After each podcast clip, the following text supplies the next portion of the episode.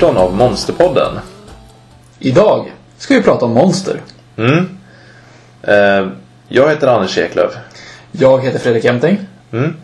Eh, idag ska vi prata om något som jag vet att båda två av oss gillar väldigt mycket. Nämligen tv-spel. Yes.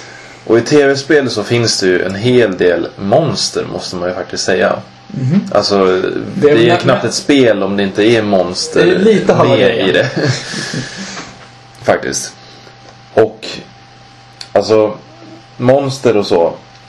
Speciellt bossar är ju någonting som är så här tydligt liksom. Och den absolut första bossen i ett spel. Ja. Det var i spelet som hette D&D Alltså Dungeons and Dragons var det Ah. baserat på liksom.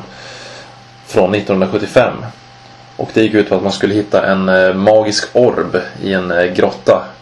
Och i slutet av grottan så var det en Golden Dragon som skyddade den här kistan som den här orben låg i. Var, var det ett så här gammalt textspel? som man Typ skrev ett in textspel med lite bilder typ. Okej. Så det var inte jättehäftigt säkert men då var det säkert skithäftigt. Mycket har hänt sedan dess kan man säga. Ja.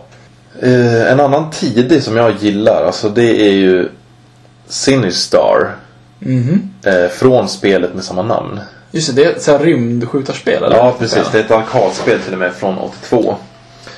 Och eh, ja, Sinistar det är väl typ en pann på ordet Sinister. Ja. och då åker man ju runt som du säger med rymdskepp och typ skjuter grejer och samlar typ kristaller och sånt. Och sen efter ett tag på banan så dyker det upp typ ett rymdskepp med en så här, typ ett demonansikte på. Mm. Och det som var väldigt häftigt just då var ju att den här hade en digitaliserad röst redan då. Som av typ någon som heter John Dormus. Som typ åker runt och säger saker som Beware I live och I am Sinistar. I am Sinistar. Beware, I live. Run, run, run. Beware, coward. Run, coward. I hunger.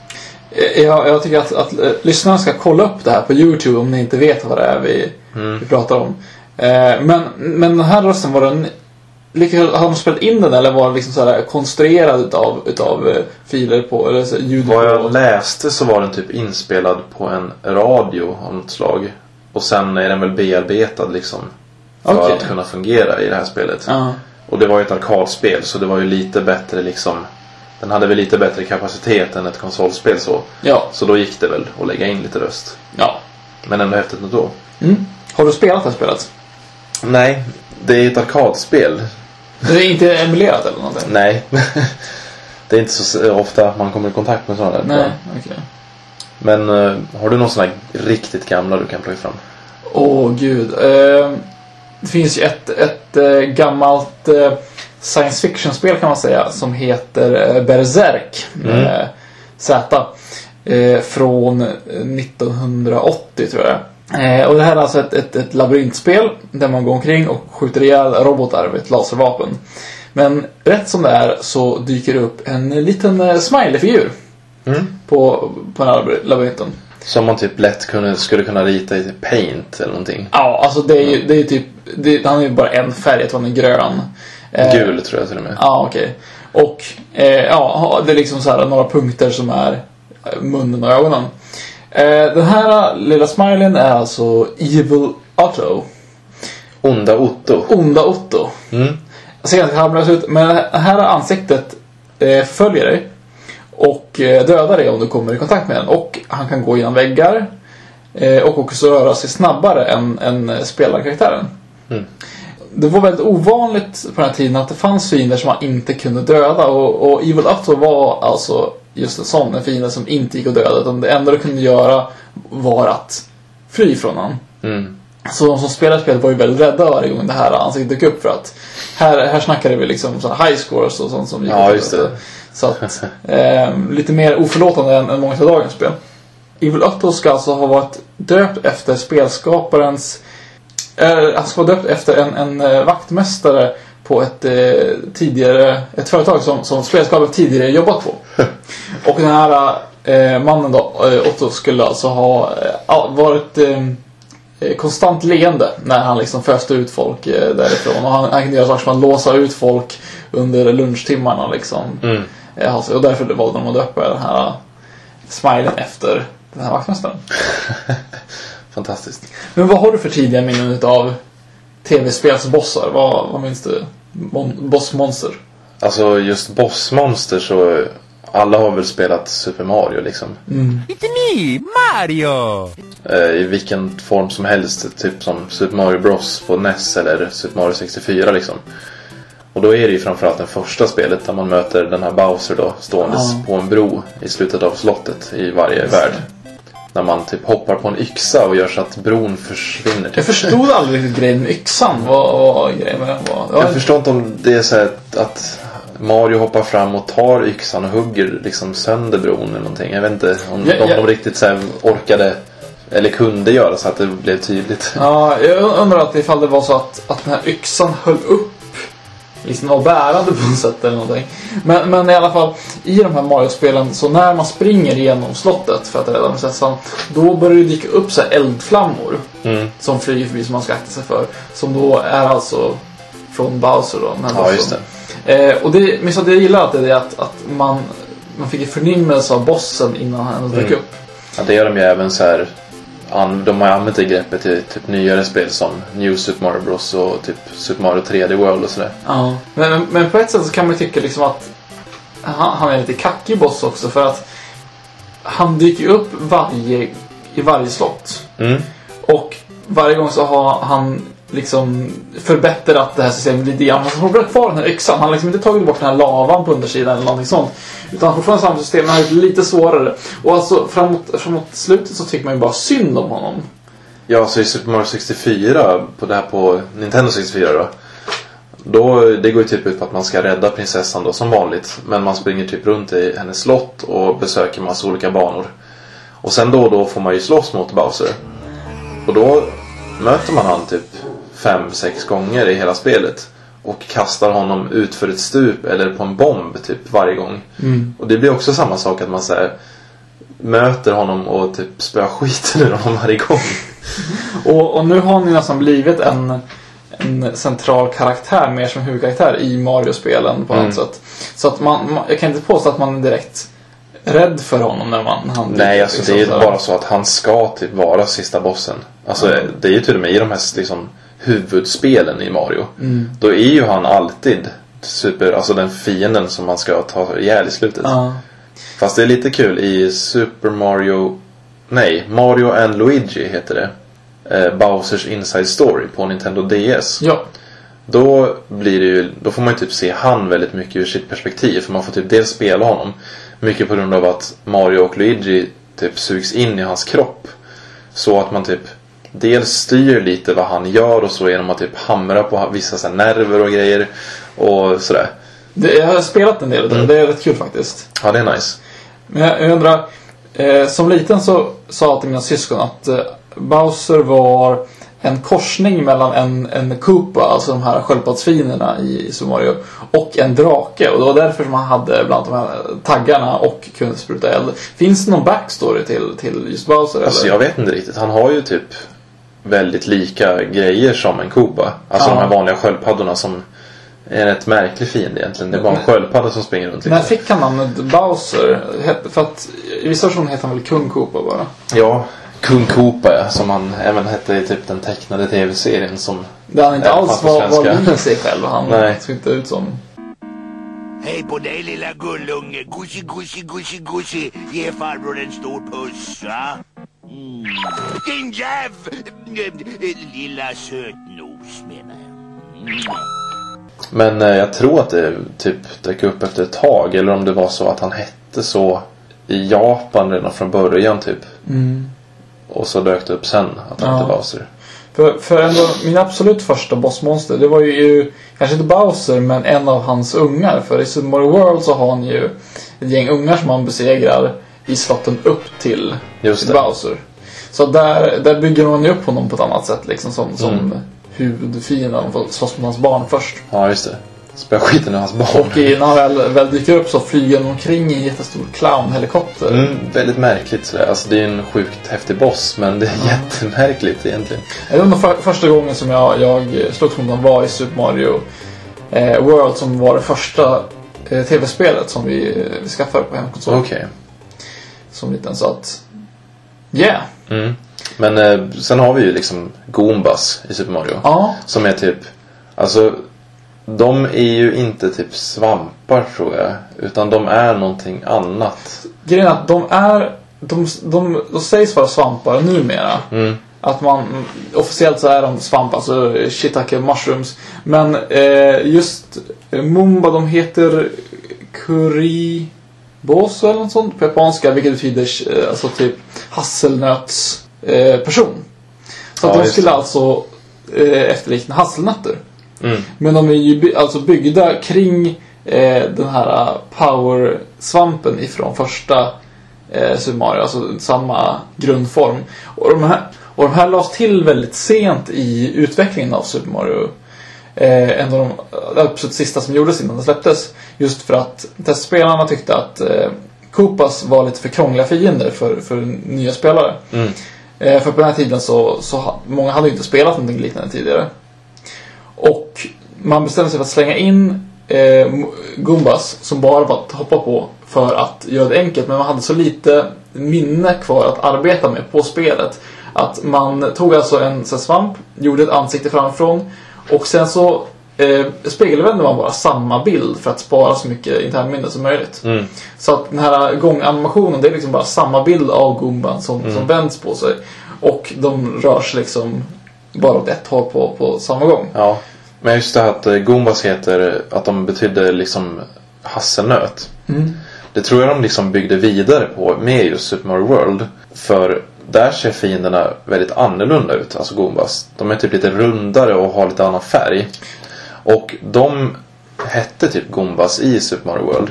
Men de har senare blivit omdöpta till Galumbas. Och de ser mycket mer ut som hasselnötter. Ja, nu minns jag dem faktiskt. Men egentligen Goombas är, det är, de går typ, de har ihjäl dig genom att gå in i dig. Ja. Och de kan inte hoppa, de kan inte springa. Och de har väl blivit lite en, en eh, symbol för eh, liksom den, den lätta fienden. Alltså den Mm. fienden som bara är kanonmat i stort sett. Just det.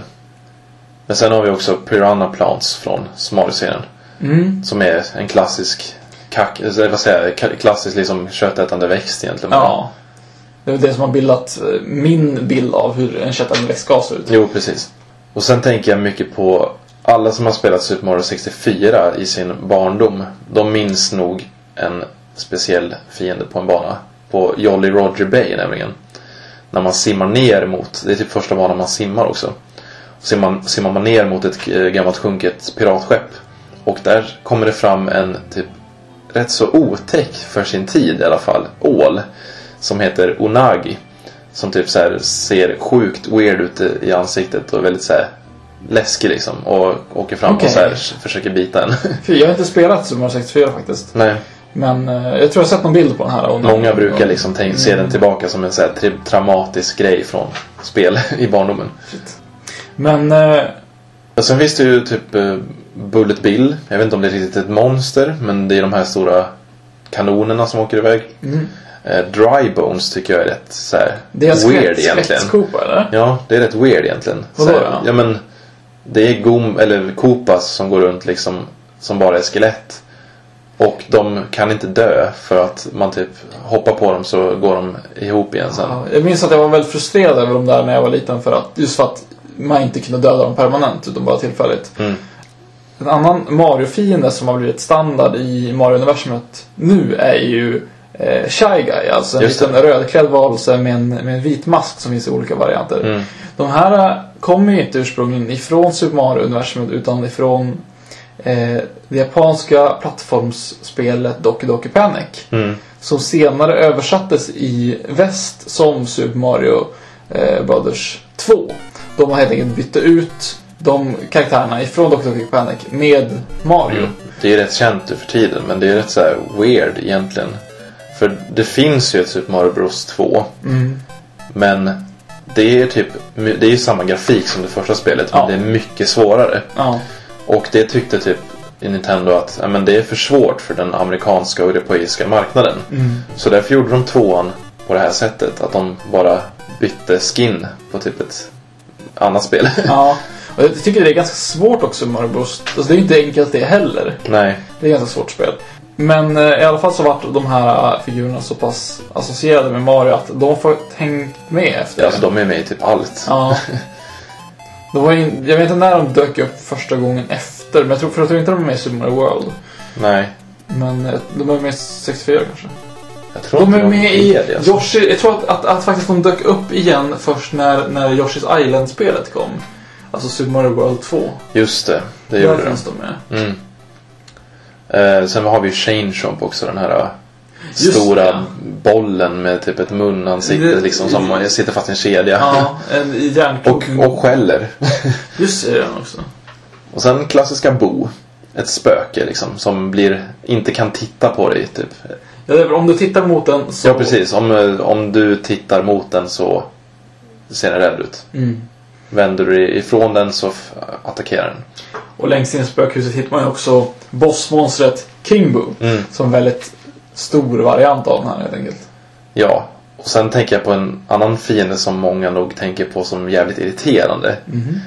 Det är Big Bertha i Super Mario 3. En stor jäkla fisk som typ är skitirriterande. Man hoppar typ på en bana som är så här, som sjunker och åker ner. I havet. Ja, precis. Och den här hoppar liksom och man måste akta sig för annars så blir man instant uppäten bara. Så är Ja. det kört. Jo, det Och man kan typ ha ihjäl den men den kommer tillbaka jättefort. Så det Ja. är jätteirriterande. Monster, rymdmonster, monster, monster, monster, monster, monster. Har du spelat eh, Legend of Zelda som liten?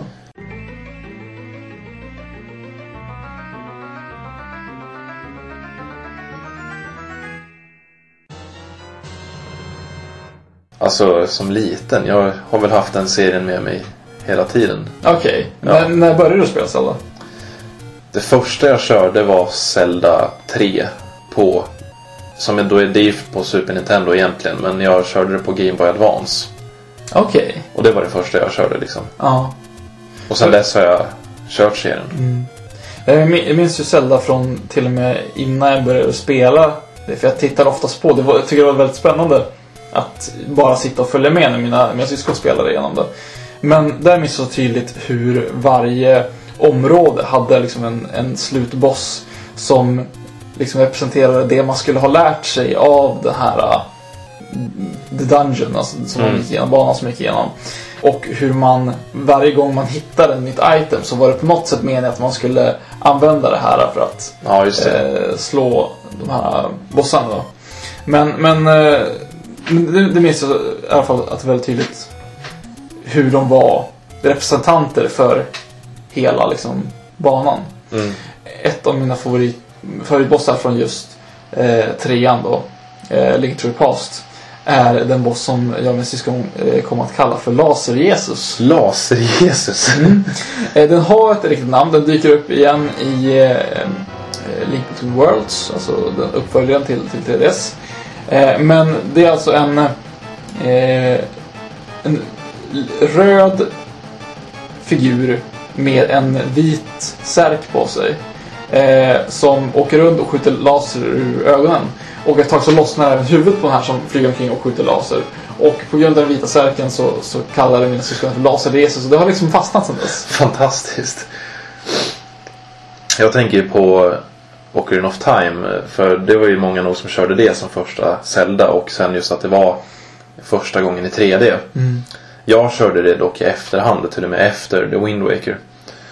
Eh, Men då är ju första bossen en som heter Goma. En typ stor spindel med ett stort öga.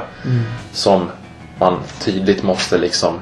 Ja men av att man har en eh, slangbälla. Och då måste man typ använda First person view för att så här, titta upp i taket och se den. Det här ögat som liksom tittar. Ja. Det är väldigt så här, snygg speldesign. Just att det är första gången det är 3D. Du måste använda det då här för att överhuvudtaget se den och så. Och du måste använda dig av lock-on systemet eller sikta för att överhuvudtaget Ja. träffa den. Goma har väl dykt det är typ flera gånger efter det. Ja, till och jag med tror dykt upp. Var den med först i ursprungliga Legend of Zelda. Kanske. För mig det. Den är inte med i, i Link to the Past är jag ganska säker på. Men Nej. jag vet att den dykt upp flera gånger efter, efter eh, Ocarina of Time. Mm. Som jag också håller på att köra igenom för första gången eh, nu. Mm. Ehm, så jag har inte allt för länge sedan. 3DS-versionen då? Ja, precis. Ja. Just det. Alla kanske inte har kört Wind Waker men det är typ mitt favoritspel i serien faktiskt. Okej. Det är typ det första 3D-Zelda jag körde. Så det är väl kanske nostalgi, men ändå. Där är i alla fall en återkommande karaktär eller fiende eller vad man ska kalla som heter Helmarok King. Som är en stor fågel som är väldigt så här, den har häftiga färger och ögonen är typ bara stora gula eh, lysande grejer. Så den är lite otäck så. Och den återkommer väldigt mycket. Plus att själva fighten mot den är sjukt stämningsfull. Typ uppe i ett högt torn i Ganons stora fort. Mm som man har besökt flera gånger i spelet och sen till slut får man faktiskt möta den här och det är väldigt häftigt. Inte spelat Wind Waker. Skulle vilja göra det. Mm. Andra klassiska fiender i Zelda är ju Octoroks. Just det. De här typ bläckfiskarna som spottar ut sten. Ja. Som le- lever på land och spottar spe- sten. Mm. Och de är med i typ varje spel mer eller mindre. Ja, från, från och med ettan och Mm. eh, framåt. Jo, där finns det väl större varianter också för mig. Något spel som är som boss. Ja, just det. Till och med i Ocarina of Time tror jag. Ja, kan vara så. Sen finns ju den här, de här moblins som de kallar som jag tror är med i första spelet. Alltså de vanliga orkerna typ som springer runt. Ja, de är väl, väl eh, skurken eh, Ganons hantlangare helt enkelt. Ja. Jag- För Ganon är ju typ en sån i de första spelen. Ja. Alltså en stor gris, Ja. gubbe typ. Jag vet inte hur det är i... Jo precis, i Link to Past så när man kommer till den mörka världen så är vakterna ersatta av Moblins Mm. för mig. Just det. Fin- Ganon själv är rätt häftig skurk så. Alltså en stor gris, monster, demon. Jag var rätt så förvirrad för att, för att eh, jag var ju uppvuxen då med Zelda 3 där han eh, heter Ganon och han är en stor grisdemon. En blå grisdemon. Blå grisdemon. Och, men, men sen från och med Ocarina of Time heter han Ganondorf och är en människa. Jag, jag hängde aldrig riktigt med vad som hände däremellan. Man sig bara för att ändra på honom eller? Jag tror att typ Ocarina of Time ska utspela sig innan på något sätt. Ja. Så att han var en man och sen blev han en demon. Ja. Fast typ i slutet av Ocarina of Time när man möter honom som Ganon så ser han typ ut som en tjur blandat med någon sorts ödla typ. Okej. Men eh, han, han ser inte ut som en, eh, en, en vildsvinare? inte riktigt, alltså han har lite så här drag av det men inte jätte... För, för den här designen, med, det har ändå eh, framkommit som hans sista form i många av spelen. Typ som i Wind Waker och i Twilight Princess och dylikt. Har jag för mig. Ja, inte i Wind Waker. Okej. I... eh, eh, och nu är det lite spoiler också, men i, i Link Between Worlds så dyker han ju upp i, som sista bossen i sin grisdemon-form då. Ja, just det. Eh, sen har vi ju i, i Ocarina of Time, det återkommer mycket men då har vi de här typ zombie-liknande fienderna som heter... Vad sjutton heter de?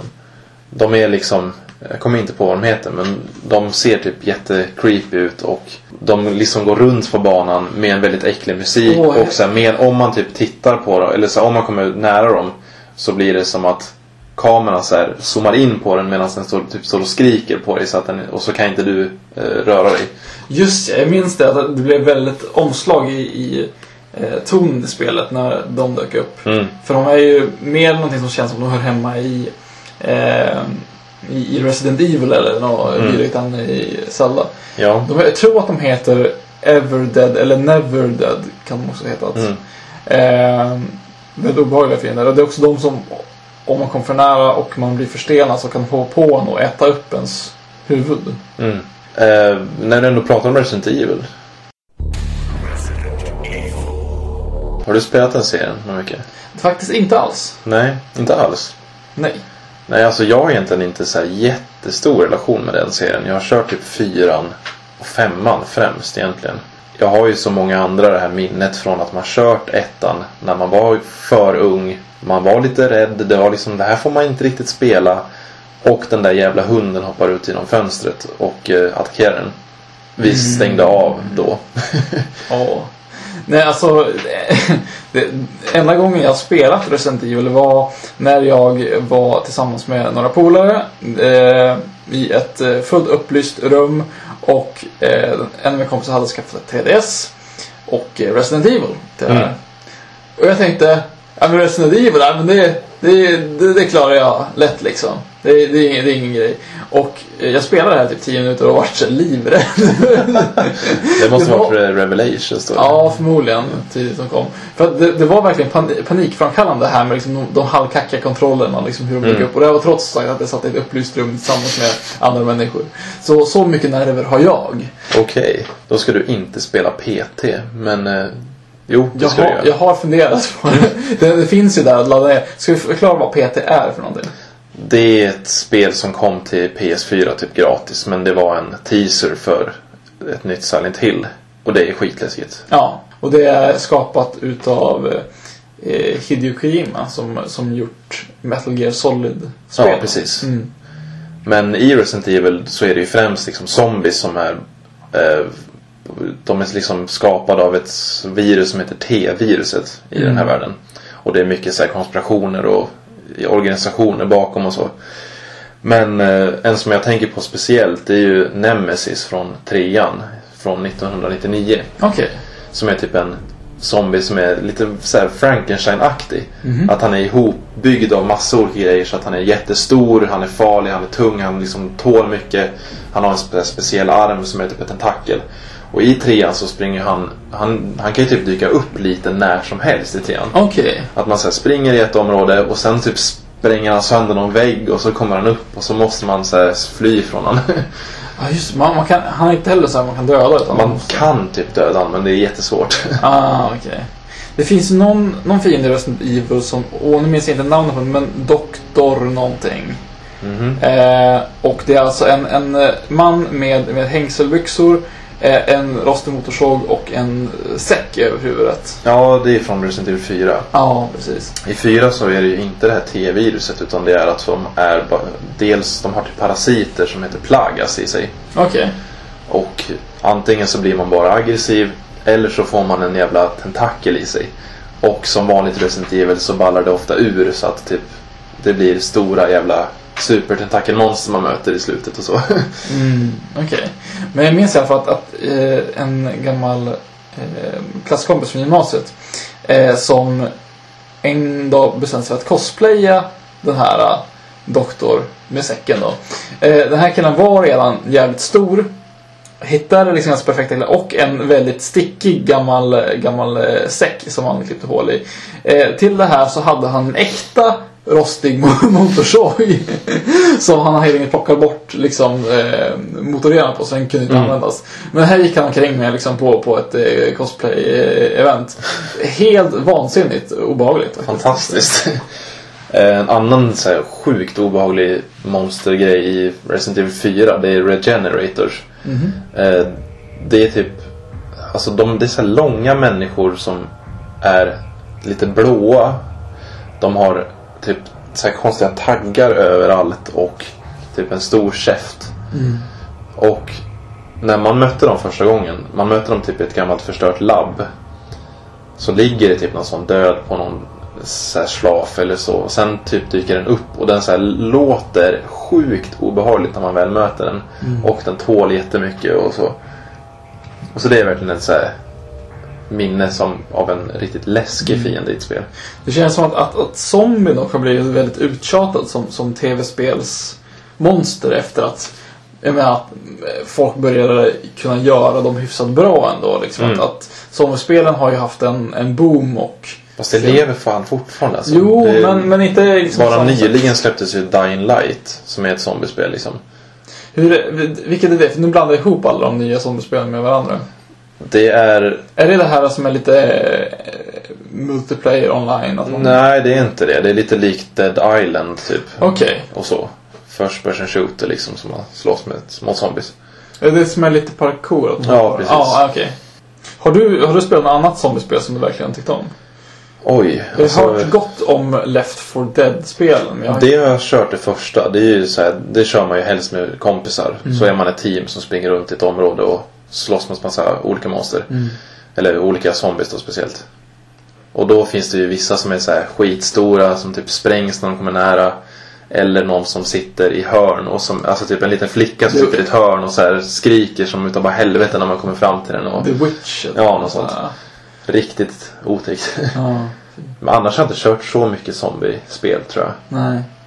Men de känns ganska, ganska givna liksom som, som tv-spelsmonster just för att ja, men de, de representerar liksom en människa som det är ändå okej att skjuta på. Liksom. Det finns inga så moraliska förpliktelser för att skjuta mot en, en zombie. Mm. Det är zombies och nazister som man kommer undan med.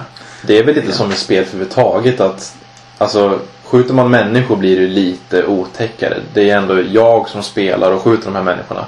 Det, Så brukar, det blir lite mer så här lättare att ha ihjäl de här grejerna om det är monster. det, det, det som brukar hända i amerikanska spel, om det väl är människor som måste skjutas så är de oftast ryssar. Mm. det ska liksom så här, le- legitimera det på något sätt. Ja, det var ju till och med i spelet Contra till eh, NES. Som i amerikanska utgåvan så är det liksom typ vanliga soldater som slåss mot mycket soldater och kanske lite robotar och så är det utomjordingar och grejer. Men när spelet skulle släppas i Europa så kallade de det för Probotector och huvudpersonerna var robotar och man slåss mot robotar. Ja. För att nej, men det blir för våldsamt om det är liksom två Rambo-snubbar som hoppar runt och skjuter andra soldater. När, när började det övergå från att liksom jag menar det här med, med moralpaniken över att skjuta människor i spel till att det liksom började bli accepterat. För idag så är det ju typ vartannat spel som du skjuter människor och det är oftast liksom inga återhållsamheter gällande blod och... Mm. Jag vet inte alls egentligen för alltså, de första spelen som var väldigt så här, våldsamma och kontroversiella som Doom och Quake och så. Där slåss man ju mot typ mutanter och demoner och allt sånt. Så det är inte människor man typ skjuter ihjäl. Är det. Nej. Är, det- är det Wolfenstein som har Robot-Hitler som Ja precis. Det är ju bara ett så här, det är typ första FPS-spelet och man skjuter nazister. Och det är en robot. Mecka Hitler i slutet. Det är ju fantastiskt faktiskt. Ja. Monster. Monster. Monster. Monstret. Det är monstret. Monster. Monster. Monster. Monster. Monster. Du och jag gillar väl ändå Final Fantasy ganska mycket. Hemskt mycket. Mm.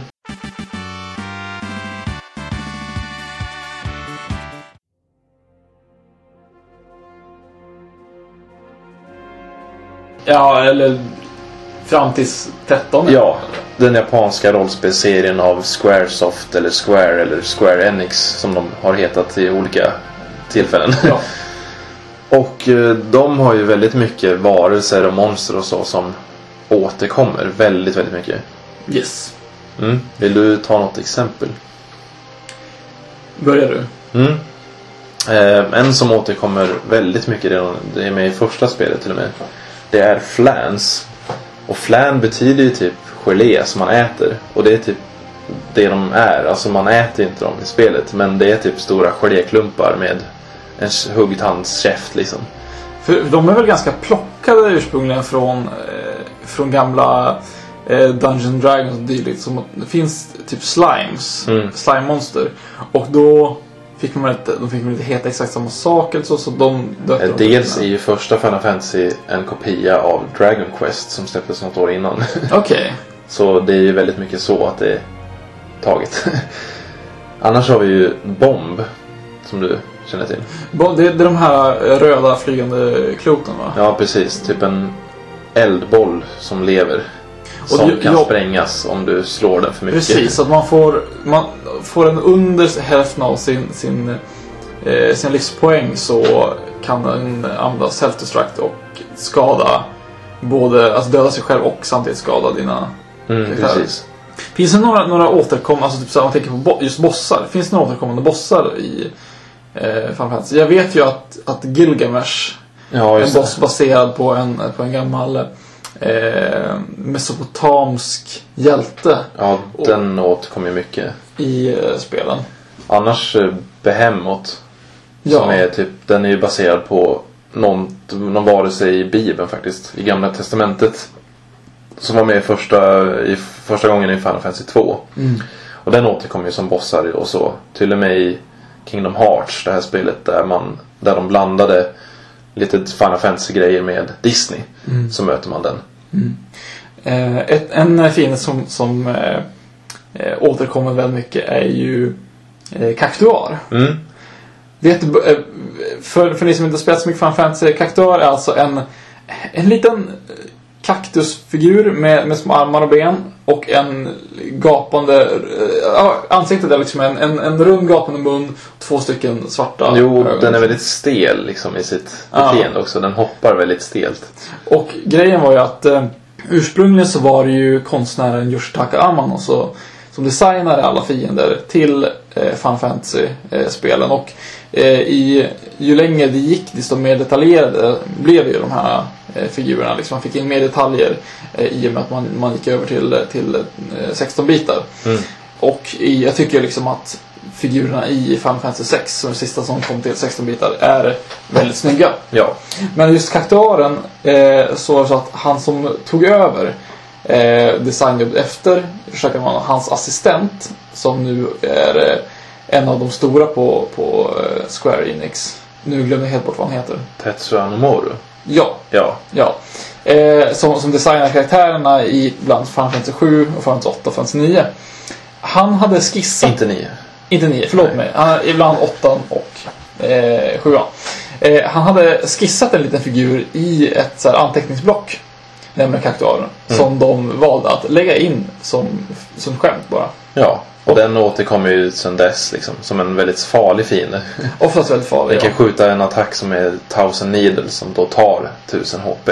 Finns ju också giant kaktuar i många som Mm. är liksom ett höghus stor kaktuar. En annan återkommande är ju Tonberry.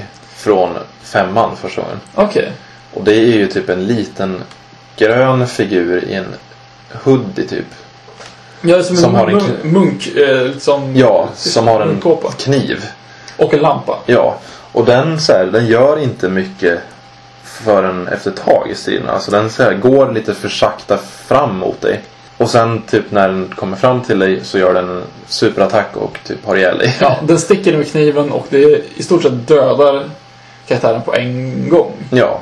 Och eh, det är så otroligt st- stressande att slåss mot de här. Just för att man vet att, att lyckas man ta ner dem inom en viss tid så, så är det lugnt. Men just att den sakta, sakta, sakta går mot den. Mm. Har, har de funnits med i något, något senare spel? För jag minns ju dem från... från eh, det var från, var det från femman då med? Ja, men de är med i nästan alla. Så de är med i typ 10 och 13 tror jag till och med. Okej. 12 ja. De är roliga. Mm. Eh, en varelse som till och med är en karaktär i sexan som är väldigt rolig. Det är ju Ultros. Just ja. Som är typ en lila jättekonstig bläckfisk. Som dyker upp lite då och då och så här försöker ha ihjäl karaktärerna på resan. Och så här jättekonstig Han är bara. vä- väldigt så här, komiskt laddad. Jo, han boss. säger massa tok liksom och sådär. Gan- Ganska fånig så här och... Men, först dyker han ju upp i en, i en flod. Mm. Och tänker man så här, ja men det är liksom någon slags flodmonster. Sen dyker han ju upp liksom på en opera. Ja, Och en försöker- scen som är väldigt så här, dramatisk som anses vara en så här, skithäftig scen överhuvudtaget bland spel. Och kommer där och håller på och försöker förstöra Och, och det. är där han, han också har, har, på något sätt har han fått upp en eh, ett ton tung vikt ovanför scenen på den här eh, Mm. operan som han tänker liksom knuffa ner och döda så här, eh, sångerskan med. Eh, och grejen var att han, han säger att Oj, vad tung den här var. Det kommer att ta mig exakt fem minuter att, att knuffa ner den här. Sen dyker det upp en sån tidsmätare så Ja. man måste springa fram till honom och stoppa honom innan han, han släpper den här eh, Mm. Men, men han var ju också en sån här... Det var inte så vanligt att, att bossar återkom liksom. Att de, man fick slåss mot flera gånger i Final Fantasy. Eller, det var ju... Ja, I fyran är det ju ett gäng med snubbar som heter typ The Four Fiends. Mm. Som återkommer ganska många gånger. Okej. Men inte annars så. Eh, sen har vi ju de som kallas Eidolons, Summons eller mycket annat i serien. Ja. Som typ Bahamut som är en, så här, en superdrake liksom. eller Ifrit eller... När dök de upp första gången? Var det i... För det var från fyran som jag spelade. Jag vet att de är med i femman i alla fall. Ja, det är nog femman först. För där i femman så kan man alltså byta eh, jobs eh, till sina karaktärer. Alltså byta vilka förmågor de har. Eh, och då finns det en, en kategori som heter just Summoner som eh, går ut på att frammana eh, monster eller varelser som gör magiska attacker liksom Mm. åt den. Och där, där börjar man använda de här äh, mytologiska figurerna och, och göra monsters tillsammans utav dem. Till Jo. Ifrit och Som är no, Ifrit är ju en... Det är väl något indiskt tror jag. Är, är de, är inte från Islam? Ja, kanske. Jo, det är det nog. Jin, Jins är från, Mm. från... Precis. Och det är typ en eldgud av något slag. Ja, precis. Ramu, eh, Leviathan, Bahamut som sa. Eh, med flera. Mm. Och de återkommer ju om och om igen. Ja. Till och med i 13 där de typ, en blir en motorcykel. Och så här, jättedumt. Någonting som blev ganska klassiskt ifrån just japanska RPG-spel och, och Final Fantasy är ju konceptet med superbossar. Mm. Det vill säga bossar som eh, är valfria att, att slåss mot. Och som oftast är starkare än sista bossen. Jo, precis. Som, som sagt, extra utmaning. Att om man har klarat sista bossen men ändå vill ha någon mer utmaning så kan man eh, ta och eh, försöka övervinna de här superbossarna. Mest kända är väl kanske eh, vapnen ifrån Final Fantasy 7. Alltså Weapons heter de väl bara där. Ja, Ultima Weapons. Ultima Weapons till och med. Och det är typ stora drakar och grejer typ. Ja. Lite stora varelser. Och de här, i, i sjuan så dök de ju upp som en del av storyn med. I tidigare spelen så, så kan man ju spela mot, eh, mot Ultima vapnet också. Men där så sitter han gömd någonstans i sista liksom eh, grottan. Mm. Och eh, har liksom inte så mycket backstory. Nej. Men i i sjuan så dyker de ju upp som ett sätt för planeten, eh, att planeten jorden, att försvara sig själv när den utsätts för fara. Så släpper den fri de här varelserna som ligger och slumrar under Just jorden. Eh, Jag minns i typ Final Fantasy 9 så finns det en hemlig boss i det stora biblioteket i staden Alexandria. Mm. Så typ ska man gå och titta i en bokhylla vid ett visst tillfälle. Och då möter man typ en stor bok med en blå boll i. En blå boll? Ja, en blå boll. Och den här bossen är typ skitsvår. Okej. Så här, jättemärkligt. Men Final Fantasy har ju fantastiskt mycket kul. Mhm. Spela dem. Spe- Spela alla. Spela alla. Börja idag.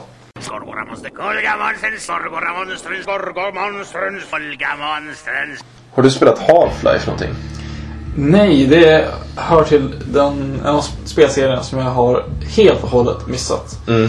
Eh, under perioden som det, det fanns så hade vi väl ingen speldator hemma så att Nej. det är ingenting som jag har. Det första spelet spelade jag mycket så, men tvåan var ju speciellt. Det är som så här, det är ju en typ en milstolpe bland spel, speciellt FPS-spel. Eh, och de har ju de här headcrabs som är ganska inspirerade av de här, vad heter de? I, ja men, facehuggers Ja. i Aliens-filmerna. Som alltså är någon liten handliknande grej som springer runt och hoppar på ens ansikte. Men det är just i tvåan som det dyker upp Eh, Nej, det är redan i ettan faktiskt. Att de här sätter sig på folks huvuden. Och blir, typ tar över människan så att det blir en headcrab zombie. Mm. Och i speciellt då tvåan så är de ju med jättemycket i en stad typ speciellt. Där det är jättemånga sådana. Och de har ett väldigt så här, obehagligt läte. Som är typ ett skrik vad jag har sett i, så här, på Youtube så. Det är typ ett skrik där de säger typ Help me eller något liknande. Fast det spelar som de har spelat baklänges. Ja, och det låter riktigt jäkla obehagligt när, Mm. det, när man hör typ tio stycken sådana en bit bort som så här, står och Ja. skriker liksom.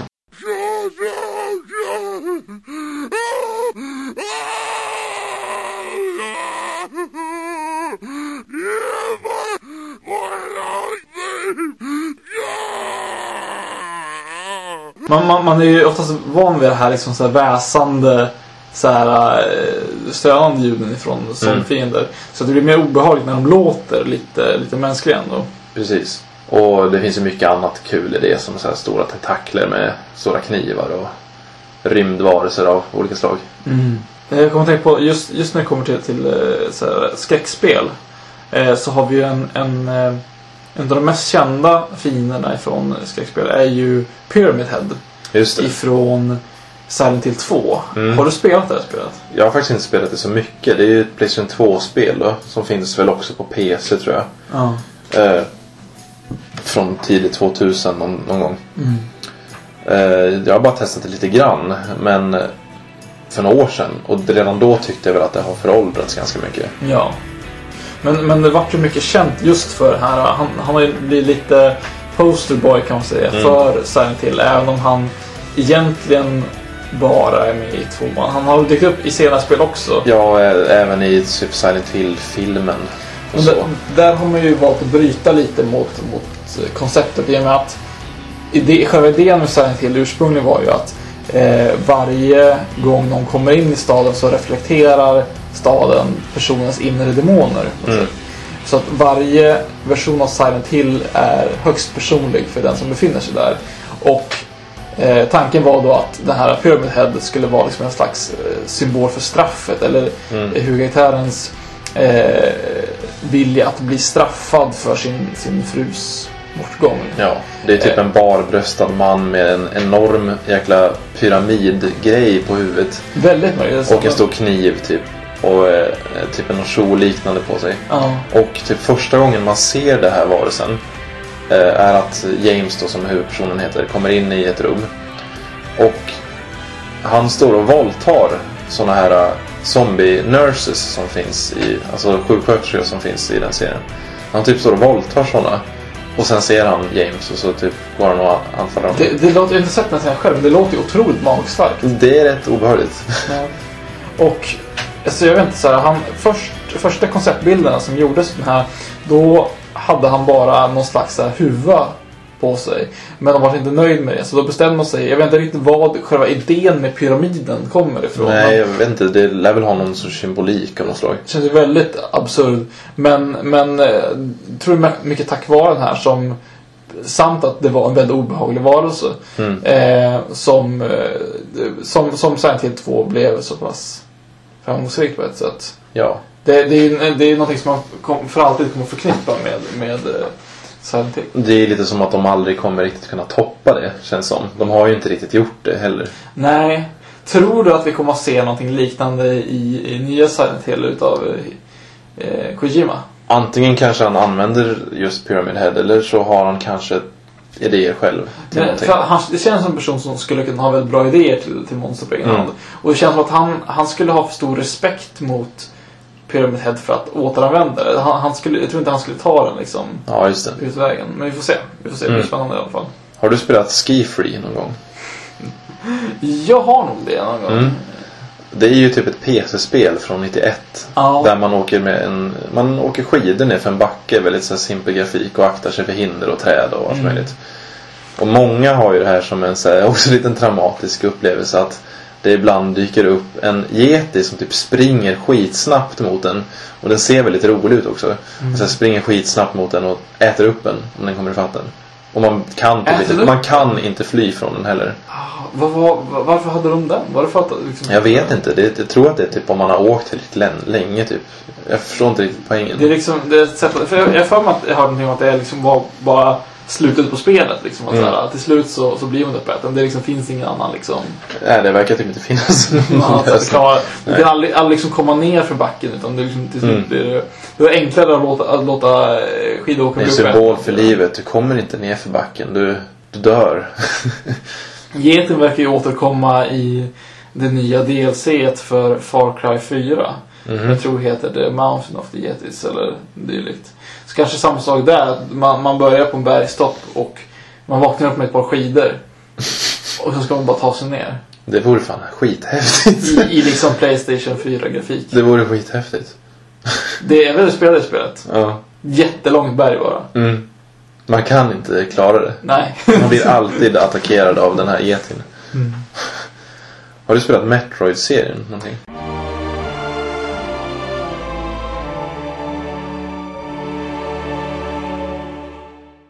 Lite grann. Mm. Jag har eh, främst spelat de senare. Mm. Eh, och lite Super Metroid också. Ja, Super Metroid har jag spelat och sen också Metroid Prime-serien så. Mm. Och den serien går ju typ mer eller mindre ut på att just Samus Aran, den här rymdjägaren, åker runt och dödar massa monster på olika planeter. Ja. typ. Och då är det just Metroid som är en varelse som är typ en genomskinlig manetliknande grej som åker runt.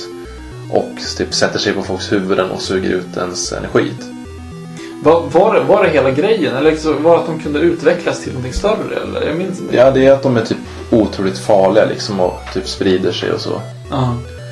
Och eh, sen har vi även Ridley som är en så här återkommande typ hennes arch enemy mer eller mindre. Ja, som är, Som är typ en lila rymddrake. rymddrake som är tillverkad tror jag av rymdpiraterna som är så här genomgående för, jag- höra att, att Ridley är eh, en rymdpirat också. Jo, precis. Den ser annorlunda ut. Mm. Också, eh, så vitt jag förstått, döpt efter Ridley Scott som gjorde, för han var inspirerad av, av Ja, just det. Alien-filmerna. Mm. Och den här draken åker ju typ runt i spelen och bara ställer till det för Samus ofta. Mm. Sen finns det också Kraid som är typ en enorm... Alltså i typ första spelet som är på NES då är det bara en liten drake som är inte jättemycket större än själv. I Super Metroid så är den typ så här 4-5 skärmar stor. Och Ja. liksom håller, håll, är så här, man måste typ hoppa ner på kroppen och så här, jättehäftigt. Mm. Och typ egentligen skulle de ha med den i Metroid Prime. Men de fick inte riktigt till det typ. Okej. Huh. Det får, jag- jag kommer, får man tänka på de här gamla eh, tv-spelsbossarna som var så pass stora att liksom när man kör på, på eh, gamla eh, Nintendo till exempel, 8-bitars. Så kunde man oftast inte animera hela fienden. Jag vet inte hur hur det fungerar men man var tvungen att, eh, att animera bossen som en del av bakgrunden. Mm. För att det inte gick på något annat sätt. Och då hade alltså bossrummen oftast en helt svart eh, bakgrund. För att man skulle kunna ha, ha med liksom hela den här eh, bossfiguren. Och det här har de ju, ju eh, eh, gjort, å, återgjort i bland annat eh, det ganska nya spelet som kom förra året som heter Shovel Knight. Just det. Där, där de leker med, med samma koncept ibland. Mm. Just på de här eh, riktigt stora bossarna. Just det. Sen har ju Metroid också själva superfienden som man ofta möter i slutet, Mother Brain. Som är typ en stor hjärna som på något sätt så här styr hela planeter och skit. Och ställer till det också med för planeten. Är Mother Brain också kopplad till Rymdpiraterna? Kanske. Och kopplade till Metroids på något sätt. Det är inte så tydligt. Metroid har inte jättebra berättande. Okej. det har det inte. Har du spelat Star Fox-spelen? Nej. Nej, det är ju, då åker man ju runt med den här Star Fox i rymdskepp och skjuter andra skepp oftast. Men slutbossen, alltså i första spelet som kom till Super Nintendo. Då gjorde de lite så här 3D-aktig grafik som är väldigt, väldigt simpel. Och då var det typ bara ett ansikte som åkte runt och sköt. Mm. Sen på Nintendo 64 så gjorde de att det här ansiktet är Alltså Star Fox ärkefiende är ett stort apansikte som flyger ut i rymden. Med två händer. Hur förklarar de det? De gör inte det. det bara är liksom så här, den ultimata fienden i den serien. Mm. Skitkonstigt. Tal om stora apansikten. Eh, en boss som blivit förevigad i, i Nintendos eh, spelbutik, det är ju Donkey Kong. Ja, Och dök ju upp i, först i spelet Donkey Kong som, som, eh, den, som, som skurken där. ja, I, i första eh, spelet så finns det ju bara en fiende och, han kastar tunnor ner mot eh, Jumpman mm, som befinner sig längst nere på en byggnadsställning. Jumpman är och den figur som senare kommer att kallas för Super Mario. ja. Och här jobbar han inte som rörmokare utan jobbar som typ jobb, jobbar på byggnad, byggnadsarbeten. Ja. Det var först de gjorde ett, ett spel senare eh, där eh, första gången man kunde spela som två stycken figurer, alltså Mario och Luigi, så fanns det väl rör där det kom ut eh, Koopas också första gången som de här sköldpaddorna Mm, användes. precis. och det var då som de förknippades först med, med rörmokare. Jag vet inte om det var då också som man fick namnet eller om det var först i Super Mario. Nej, första spelet heter Mario Bros. Okej. Ja. Mm. Donkey Kong fick, fick senare en helt eh, egen spelserie Mm. och är ju numera en av hjältarna snarare. Ja, Och där slåss han framförallt mot krokodil, humanoida krokodiler. Ja, av någon anledning. Ja, Han, typ piratkrokodiler också. han var ju först tanken att vara en eh, sin, sin lilla egen version utav King Kong. Det var ju därifrån eh, just att en, en stor apa som eh, kidnappar en kvinna och Jag tror till och med att Nintendo ville göra ett Don- King Kong-spel. Mm. Men de, att de inte fick det. Nej. Så att därav eh, Donkey Kong. Mm. Ett spel som jag håller väldigt, väldigt varmt om hjärtat är ju Shadow of the Colossus. Just det. Ett spel som oväntat nog valde att Nej, vi ska inte ha några banor eller några vanliga fiender. Vi gör ett spel med bara bossar. Ja, man typ reser till och från bossarna mer eller mindre. Ja, 16 stycken tror jag de är. Eh, alltså de här kolosserna då som, som ser ut lite som blandning mellan, mellan eh, eh, konstruerade statyer och organiska varelser med päls. Mm. Det är alltså ett, ett, ett fantasyspel där man reser in i en försvunnen dal till ett tempel där man möter en röst som heter Dormin. Som eh, säger att man rider alltså in med en, en, eh, en kvinna som verkar vara död. Eh, och man lägger henne på ett altare. Dormin säger att eh, om du dödar de här kolossarna åt mig så ska jag, ska hjälpa dig. Och det enda du gör är alltså du rider igenom den här dalen och med hjälp av ditt magiska svärd så kan du alltså söka reda på de här eh, kolosserna. Och jag har varit förvånad spelar över hur, hur bra det här fungerar. Liksom att man, man blir liksom inte riktigt uttråkad av att söka efter dem. Det är liksom en del av spelet i sig. Jo, man blir inte det. Det är ett väldigt, väldigt lugn.